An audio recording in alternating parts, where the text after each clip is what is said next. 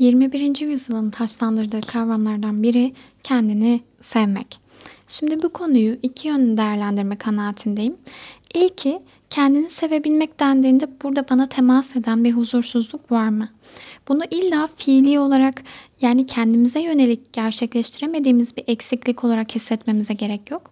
Bazen o kavramı çerçevelendiremediğimiz ve dolayısıyla da hayatımızda nereye konumlandıracağımızı bilemediğimiz için de merak ediyor olabiliriz. Bu ilgilendiğimiz, dert edindiğimiz hangi kavram olursa olsun ilişkili olduğu şeyi anlamlandırıp daha sağlam bir zemine oturtmak için kıymetli bir soru. Bir de bunu şu yüzden söylüyorum.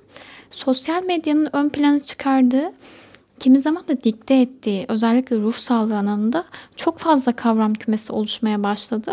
Bunun önüne de ya bir saniye benimle bu kavram arasında gerçekten bir mesele var mı? Yoksa bir topluluğun içinde çeteleye çizik atmaya mı geldim? İnkar değil, tamamen içselleştirme de değil, sadece kendimden bir başlangıç noktası talep ediyorum.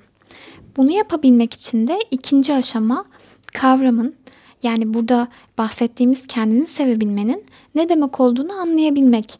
Ve iş aslında burada başlıyor. Çünkü hayata entegre edebildiğimizde evet etki alanı büyük ama içeriye baktığımızda da yönerge olarak bir o kadar eksik. İlk duyduğumuzda yani biri kendinize sevin, değer verin dediğinde fikir dünyasında sezgisel, tatlı bir yeri var gibi ama böyle tam da bir karşılığı yok. Çünkü bardağı masaya koy dediklerinde olduğu gibi tanıdık bir cümle değil.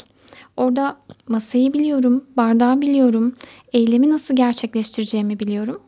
Ama bana kendini sev dedikleri zaman bu cümlenin öznesi benim e, alışkanlıklarımın, davranışlarımın hangi parçasına denk geliyor?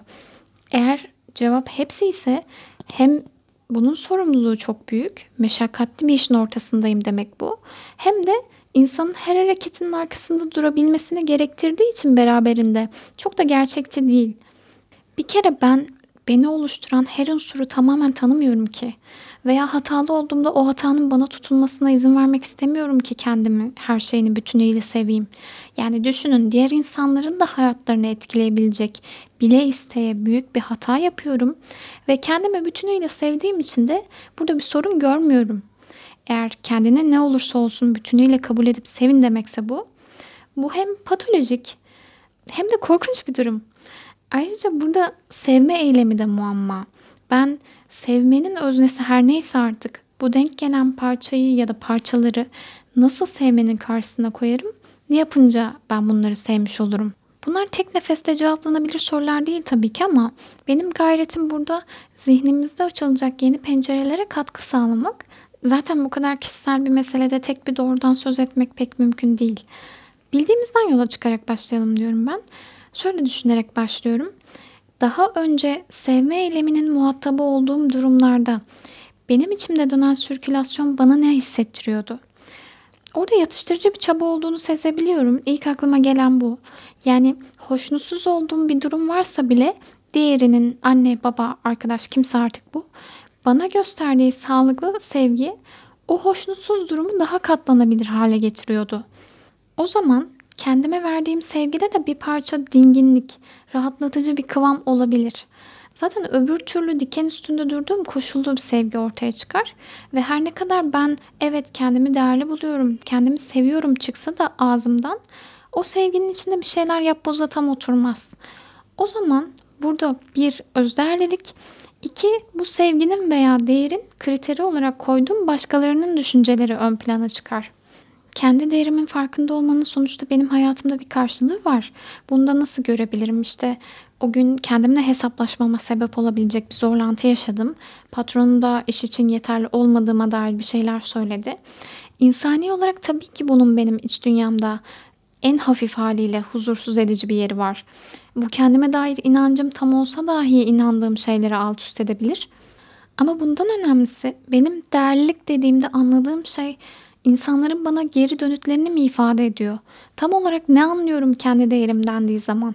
Çünkü bunu kafamda belli bir yere oturttuğum zaman patronumun söylediklerini destekleyici kanıtların yanında ona zıt aslında yeterli olduğumu gösteren bir sürü kanıtı bulmam da kolaylaşıyor.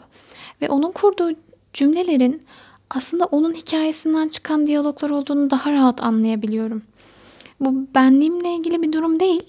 O an o işi başka biri yapsaydı ve sonuç onun için yine tatmin edici olmasaydı aynı cümleleri o da duyacaktı.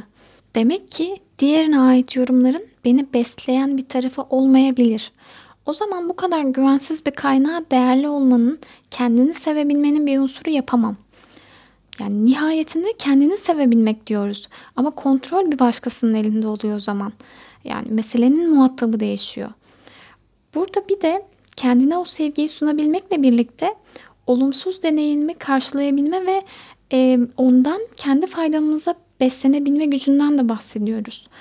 Yani yeterli olmadığım söylendiğinde gerçekten oradaki yeteri sağlayabileceğim bir kaynak var mıydı? Veya bir arkadaşımın başına gelseydi bu olay, sorumluluğun ne kadarını ona ait görürdüm? Bunlar böyle söyleyince toz pembe kalabiliyor ama bir anda gerçekleşecek kolay bir şeyden de bahsetmiyoruz.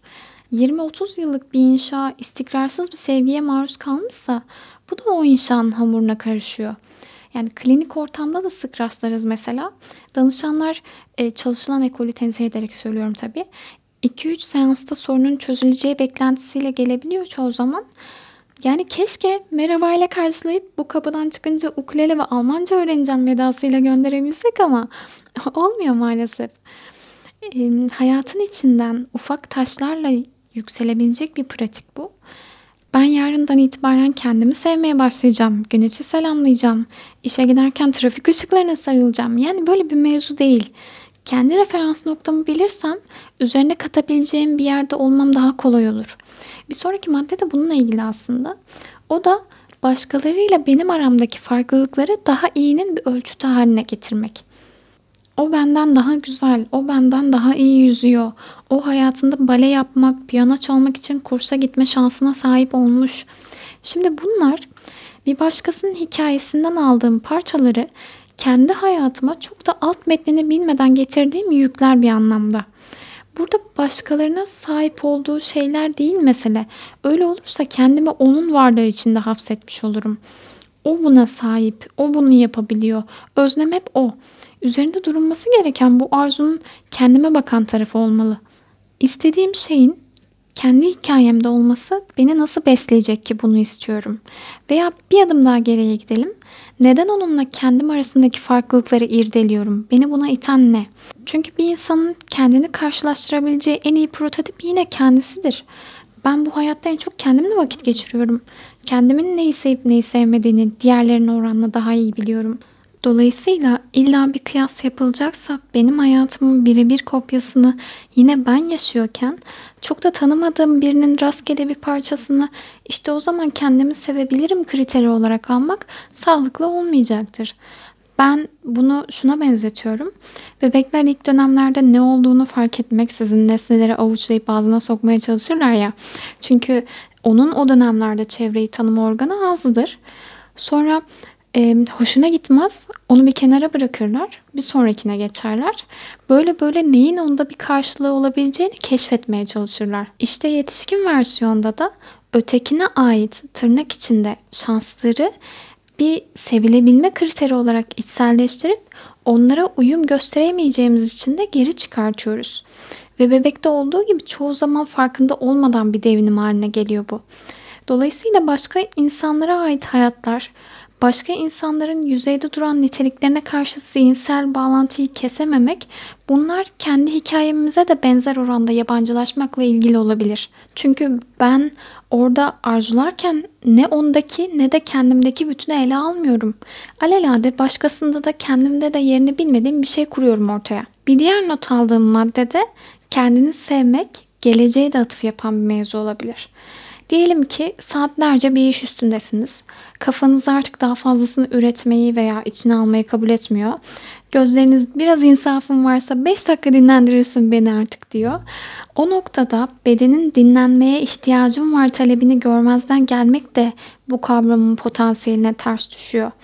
O işi sürdürmekteki motivasyonumun benim zararıma bir sonuç yaratıp yaratmayacağını mukayese edebilmek de kendine dönen sevgiyle ilgili. O yüzden kendini sevmek sadece bir duygu olarak değil, insanın kendine yönelik düşünme becerisini de içeriyor. Maalesef bu çoğu zaman tükenme noktasında fark edilebiliyor. Geleceğe atıf yapan derken bunu kastediyorum aslında. Şimdi şu anda ihtiyacımı anlayıp ona sırt çevirmemek ileride bu baskının gerek ruhsal gerek bedensel sonuçlarını almamdan elbette daha kıymetli. Bu konuştuklarımızı kendi hayatımızda öğütme süreci doğrusal bir grafik izlemeyecek bu arada. Çünkü hayat böyle bir yer değil. Bazen kendimi zorladığım o işte durabileceğim. Bazen diğer etmenler ağır basacak. Bazen bildiğim konu dahi olsa söz almayayım şimdi diyeceğim. Bazen sesin titreyebilir. Olsun kısa konuşursun. Elini kaldır sadece diye kendimi motive edeceğim. İşte bazen günaydın sivilce sen de mi buradaydın? Oysa ki dün yoktun diyeceğim. Bazen de bir şarkı olsaydın Şebnem Ferah mayın tarlası olurdun diyeceğim. Yani kendini sevmekteki temel mevzu inşa etmek, bazen durup hiçbir şey yapmadan o inşayı izlemek amcalar gibi. Bazen bir kısmını yıkmak, bazen de o tuğlayı yerden alıp devam etmek. Dışarıdaki kendini sev sloganlarının altında bu arada ihtiyaç duyulduğunda iyi bir hatırlatıcı olabilir. Bu karamsar bir yerde değilim kullanımına karşı. Sadece bunların altında kaçırılan esas nokta benim başarısız olduğum her kendini sevme girişimi sevme eylemine dahil zaten. Ben zaten kendimi sevmek istiyorum. Bunu farkında olmadan yaptığım zamanlar var. Kendime haksızlık ettiğim zamanlar da var. Özellikle utancın, öfkenin, beni rahatsız eden duyguların içinde kendimle bağlantıyı koparmamaya çalışıp adaletli yaklaşabilmek gerçekten çok ciddi ruhsal efor gerektiren bir durum. Belki buradaki kendini sevmenin ifadesi de ilerlemenin zaman alabileceğini kabullenmek ve gerektiği yerde destek almak olabilir. Evet, Angela filmi bölümün çıkış noktasıydı. İzlerseniz eğer oradaki vurucu sahne bence sinema tarihinde seyirciye bu kadar yoğun geçebilen nadir sahnelerden biri. Hangi vurucu sahne diye düşünmenize gerek yok. Zaten öyle tek bir sahne var.